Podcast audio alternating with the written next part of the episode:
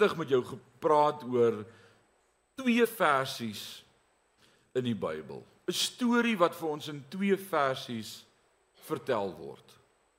Hierdie storie is so kosbaar dat hy in 3 van die 4 evangelies opgeneem is in twee versies in elke evangelie. Matteus, Markus en Lukas. Net Johannes het nie hierdie verhaal met hierdie twee versies vir ons aangeteken nie. In hierdie twee versies leer ons die storie van Petrus se skoonma wat siek was. Sy was baie siek. Sy het erg koors gehad en sy het in die bed gelê en kon nie opkom nie. Sy kon niks doen nie. Sy was neergegooi deur die koors. En toe by the way, toe vertel hulle vir Jesus Petrus se skoonma is baie siek. Ek weet nie wat se planne het Petrus met die siekte gehad nie of dalk sou hy geërf het, maar Jesus sê toe maar kom ons gemaak haar gesond vir jou. Ek lees nie dat Petrus iets gesê het daaroor nie. En dan kom Jesus op die verhaal en hy stap in en hy vat haar hand en hy sê vir haar word gesond. En dan word sy gesond en onmiddellik het sy begin om haar huismense te bedien en te versorg. Twee versies drie boeke. En hoekom dink julle is hierdie verhaal so belangrik en vir ons opgeteken in die Bybel? Dink 'n bietjie 'n oomblik daaroor. Ek wil vanmôre met jou praat oor ons is gered om te red. En ons is geroep om 'n verskil te maak. Wie kan sê amen? Jy is nie net gered vir jouself nie. Jy is nie net vir jou gered sodat jy die Here kan ken en jy hemel toe gaan nie, maar jy's gered sodat God jou kan gebruik om vir ander iets te doen. Ons sien dit in hierdie verhaal van Petrus se skoonma dat die Here haar gesond maak en die oomblik toe sy gesond is, toe sê sy ek weet wat moet ek doen? Ek moet my huismense versorg en ek moet vir hulle kos gee en ek moet hulle bedien. It's amazing. So ons praat daaroor jou redding en jou verlossing bring bepaalde verantwoordelikhede mee. En dis awesome om te sê ek is deel van Sion en ek sit Sondag in die kerk en ek ken die Here en ek is deel van die koninkryk en ek gaan hemel toe en man dis so lekker ons sien uit daarna sal dit daar nie heerlik wees nie nê Maar terwyl ek deel is van hierdie journey staan verantwoordelikheid ook om deel te wees van 'n familie Ons leer ons kinders mos as jy wil deel wees van hierdie huishouding, dan moet elkeen van julle bietjie julle pligte nakom. Veral in lockdown het ons daai pligte bietjie geherdefinieer in ons huishouding en ons het gesê goed, Dewald, jy pak die skorrelgoedwasser in. Christian, jy pak die skorrelgoedwasser uit. Pa en ma maak beurt om te sorg dat daar skorrelgoed is. Dis iemand se werk. Iemand moet dit doen. Maar in 'n huis wat funksioneer of wat wil funksioneer, is daar bepaalde reëls en elkeen moet sy verantwoordelikheid nakom. As jy 10 uur op daai stadium kom wat hy net op die bed wil lê en sy klere op die grond ophang, wie van julle het sulke tieners in die huis gehad? Hulle hang mos hulle klere op die grond op. Nee, hulle gooi dit nie op die grond nie. Uh dan sê jy vir hom, "Uh, uh as jy wil deel wees van hierdie huishouding, daar's die wasgoedmandjie, dis hoe dit werk, dis wat ek wil hê jy moet doen." Nou net so is my en jou funksie in 'n gemeente en in Sion gemeente dat redding en roeping aan mekaar verbind word. Nou dat ek deel is en gered is en deel is van die gemeente, wat is my roeping? En dis waaroor ek vanmôre vinnig met jou wil gesels is wat is jou roeping? Almal van ons kan nie sonder daai boek om staan en die woord bring nie. Ek sal wil wens dit moet gebeur. Maar dit gaan bietjie chaos wees, né? In die een gaan vir ons uit Exodus uit leer en die volgende een gaan uit Hebreërs uit iets wil sê en die volgende een gaan eskatologie wil praat en wat gaan ons nou hoor vandag? Watter boodskap wat ons huis toe? Maar almal van ons kan 'n verskil maak in die koninkryk. Elkeen van ons kan 'n verskil maak. Het jy gedink daaroor iemand moes die kerk skoon maak sodat ons vandag hier kan kom sit en sê wow Dis lekker om in Sion te wees. Wie kan sê dis lekker om in Sion te wees? Ek is trots op hoe Sion lyk. Rarig. Uh ek ontmoet nou die dag mense wat nog nie in ons gemeente was nie en hulle soek gemeente en hulle vra waar is jy en ek sê daar by Sion gemeente daar by die hoërskool hulle sê daai ou ou klein kerkie daar op die hoek Nou ja, ek dink as jy inkom in die binnekant sit lyk die ou klein kerkie so 'n bietjie anders al, né? En die Here gaan ons help hierdie jaar dat ons sommer die hele vooraansig en alles nog mooi geniet maak. Maar maar ons is deel van die koninkryk en ons maak 'n verskil ook in die koninkryk. So oor die basiese inhoud van hierdie storie stem al drie die evangelies Matteus, Markus en Lukas saam en daar's drie goed wat dieselfde is in al drie evangelies. Dit was Petrus se skoonma wat siek was aan koors, ons weet wie dit was. Die tweede punt wat ons weet is sy het haar genesing van Jesus af ontvang. Hy het haar gesond gemaak en die derde punt wat al drie oor saamstem is sy het onmiddellik na die wonderwerk opgestaan en hulle bedien. So kom ons praat oor hierdie drie punte vlugtig. Die eerste een, hierdie vrou het siek gelê aan koors. Matteus 8 vers 14 sê vir ons toe Jesus inkom sien hy sy skoonmoeder siek lê aan die koors. Daai woordjie ballou wat daar gebruik word in die oorspronklike Griekse teks, ballou wat vertaal word as lê, beteken letterlik dat iets gegooi word sonder dat daar enige sorg is oor waar dit mag val. Wie van julle het al klaar gewerk met die kar se lap wat jy hom bietjie mee afgevee het en dan vat jy daai lap en dan gooi hom dan in die hoek by die emmer. En of hy nou langs die emmer of in die emmer of op die emmer, hy hoort in die hoek. Dis dis die gedagte van die woord ballou wat hier gebruik word is sy is letterlik deur hierdie siekte neergegooi en nie ge-worry oor haar nie. Wie van julle het al erge koors gehad? Moenie nou sê as jy koorsig voel nou nie, hoor. Dan gaan ons vir die deur wys. Maar maar koors is 'n dis 'n vreeslike ding. As jy koors het. Jy kan begin halusineer van koors en jy kry 'n sweet uitslag, koue koors en jou lyf begin bewe en jy weet nie moet jy die kombers oor jou trek of aftrek nie en jy jou lyf begin pyn koors is 'n verskriklike ding en hierdie vrou is uit daar in die hoek gegooi deur die koors, hewige koors. Dit is juis hierdie toedrag van haar siekte toestand wat Lukas wat 'n mediese dokter is vir ons beskryf in Lukas 4 vers 38 dat hy sê hierdie vrou het 'n hewige koors gehad. Die ander sê net sy was koorsig en sy het koors gehad. Lukas sê uh, julle verstaan nie, sy sy het groot koors gehad. Dit was dit was 'n 'n hewige koors. En Lukas noem ook dat sy deur hierdie ewige koors aangetas was. Wat beteken dit as jy aangetas is? Ek is bang julle gaan nou ander vergelykings vir my gee van aangetas. Maar as die koors jou aantas, beteken dit jy het sekere vermoëns wat jy nie meer, daar's dinge wat jy nie meer kan doen nie. Jy's belemmer. Dis jy jy's ingehok, beperk. Die woord beteken dat sy 'n gevangene was van hierdie koors. Dis letterlik wat dit beteken was jy al 'n gevangene van 'n siekte toestand gewees? Wie van julle beleef migraine so af en toe? Ek dink migraine is iets wat jou 'n gevangene maak, daai ongelooflike kopseer wat jy net nie gebreek kan kry nie. Jy jy's 'n gevangene van van 'n migraine. Of 'n naarheid, dis 'n nare ding. Kyk, daar's geen erger naar as naar nie, né? Jy voel mos jy gaan eers dink jy gaan doodgaan en dan is jy bang jy gaan nie dood nie. Want dit is net verskriklik om naar te wees. Dis jy's 'n gevangene van hoe jy voel. Hulle moet nie dan met jou kom praat oor storieetjies nie. Jy's naar. Want soos was hierdie vrou ernstig siek gewees. Dit dit moet ons verstaan uit al drie evangelies uit.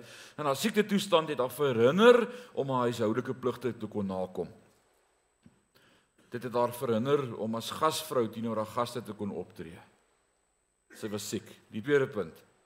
Dan verskyn Jesus op die toneel. Wie kan sê amen? Amen. Jesus maak alles nuut. En let op hoe Jesus autoriteit neem oor haar omstandighede. Hierdie vrou was neergewerp deur die koors, maar Jesus doen presies die teenoorgestelde want Markus 1 vers 31 sê daarop gaan hy na haar, neem haar hand en rig haar op.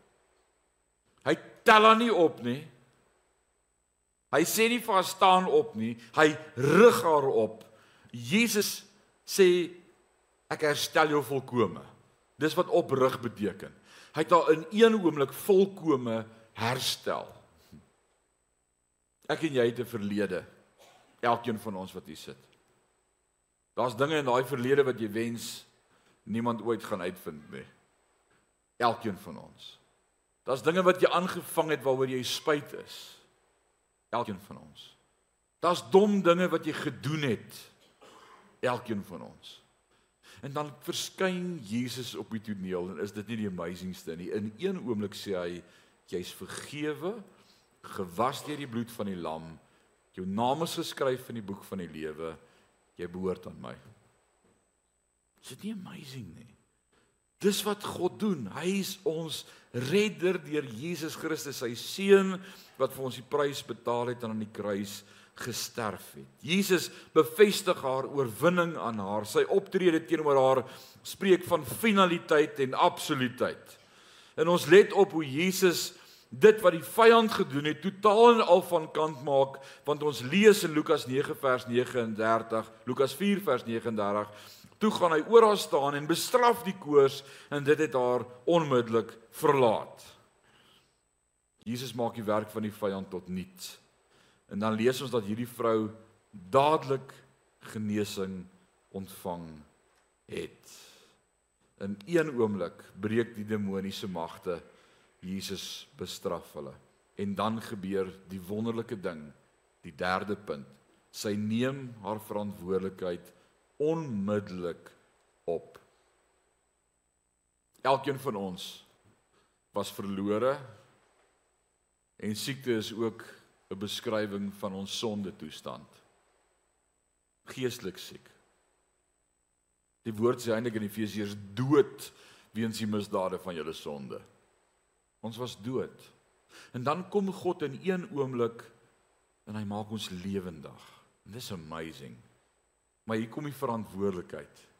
Nou dat ek deel is van die liggaam van Christus, is daar ook 'n funksie vir my.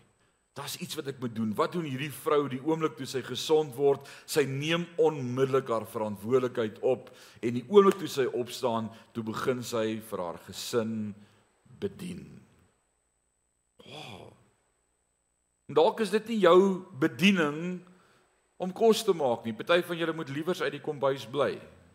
Nee, as dit jou man is sê amen, hy moet liewers nie in die kombuis in nie.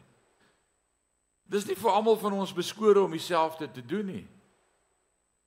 My vrou moet nie die boor in die hamer vat nie, dan's daar groot moeilikheid. Dan weet ek, hier gaan ons nou 'n muur moet oorbou.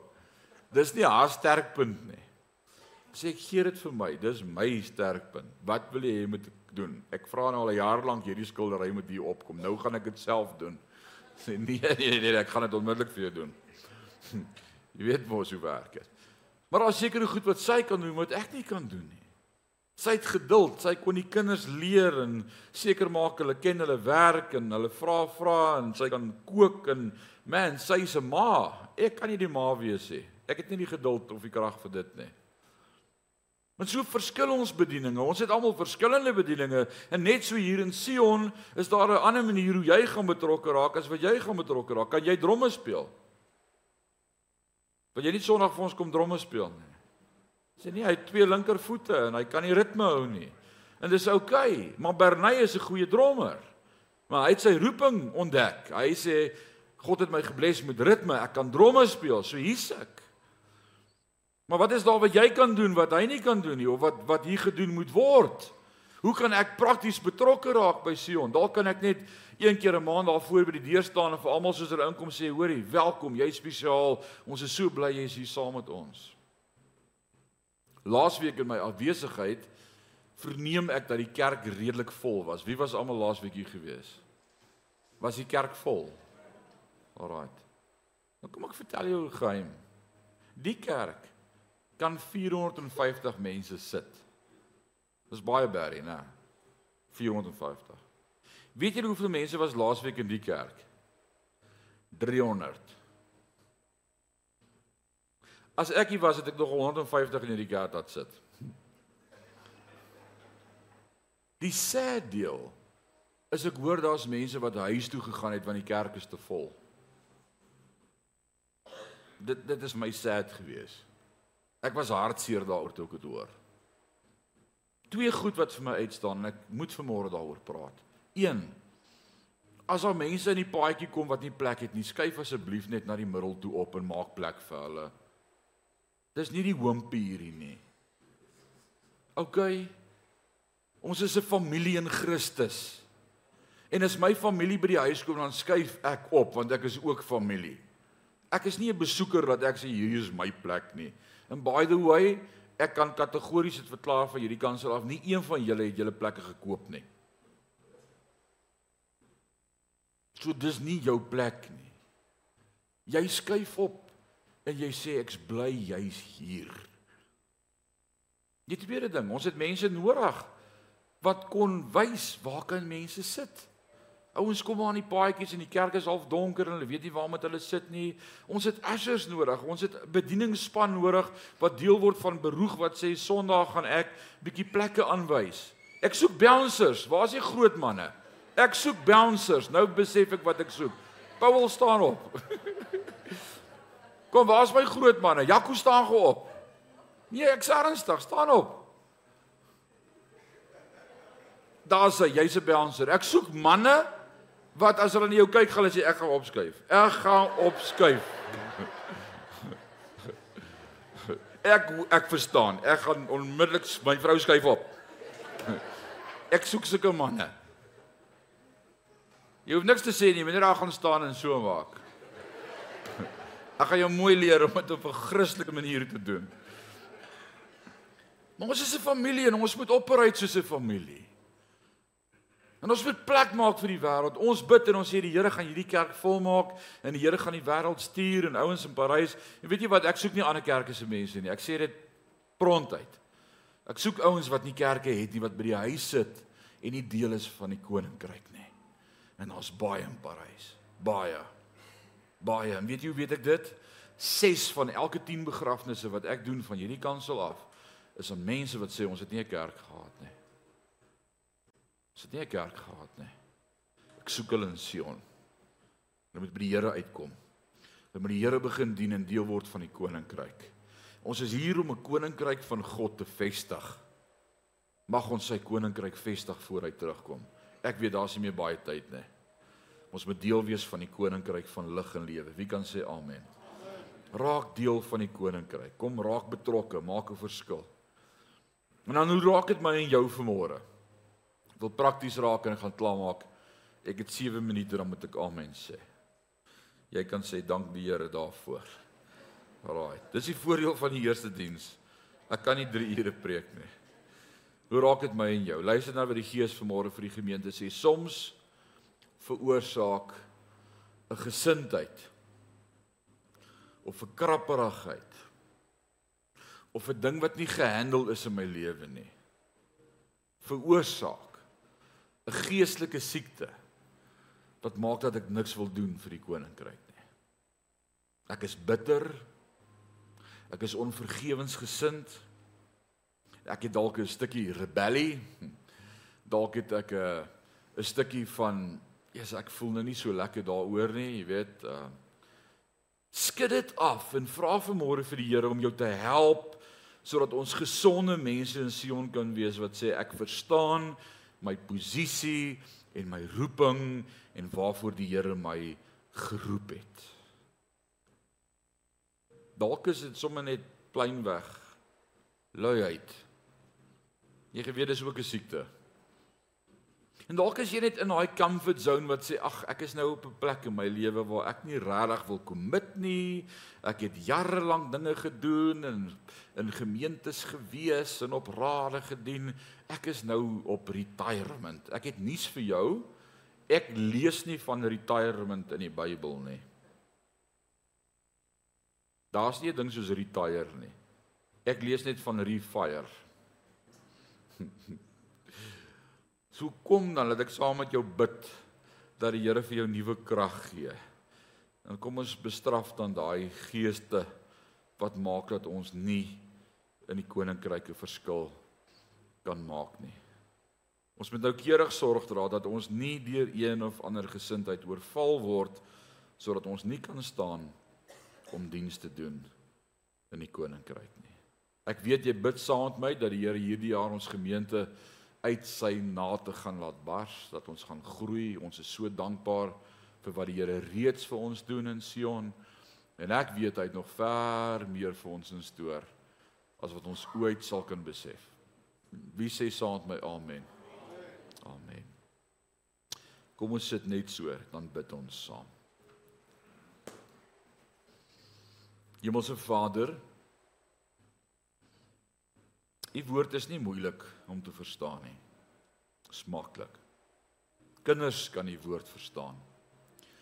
En die woord leer my dat as U in my lewe instap en my nuut maak, dat ek iets wil doen vir u. Dis waaroor die hele boek Efesiërs gaan. Die eerste 3 hoofstukke kom leer my wie ek is in Christus en as ek verstaan wie ek is in Christus en wat hy vir my gedoen het en wat hy vir my bewerk het en al die blessings waarvoor hy my waarmee hy my gebless het, dan sê hoofstuk 4, 5 en 6 vir ons, hoe kan ons dan nou daardeur 'n verskil maak in u koninkryk?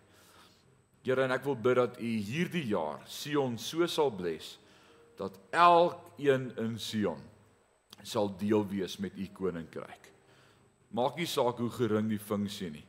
Dis deel van die groot prentjie. En ons eer U daarvoor.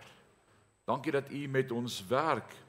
Dankie dat U die naprediker is van hierdie woord en dankie dat ons gaan groei. Dankie dat ons gaan groei sien in ons gemeente in hierdie jaar. Nie net in getalle nie, Here, getalle is niks, maar in betrokkenheid, 'n deel van die koninkryk, in disippelskap, in selgroepe, in in in groepies wat die hospitaal besoek en bid en en dankie dat Sion in hierdie jaar gaan ontplof en 'n ontploffing beleef gedryf deur die Heilige Gees krag van God.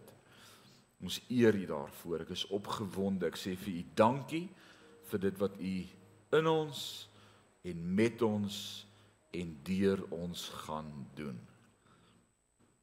Vanmôre soos klein in die hande van die pottebakker wil ek sê ek stel my oop. Laat my oorloop van al U volheid. Gebruik my. In Jesus naam en Sion sê amen en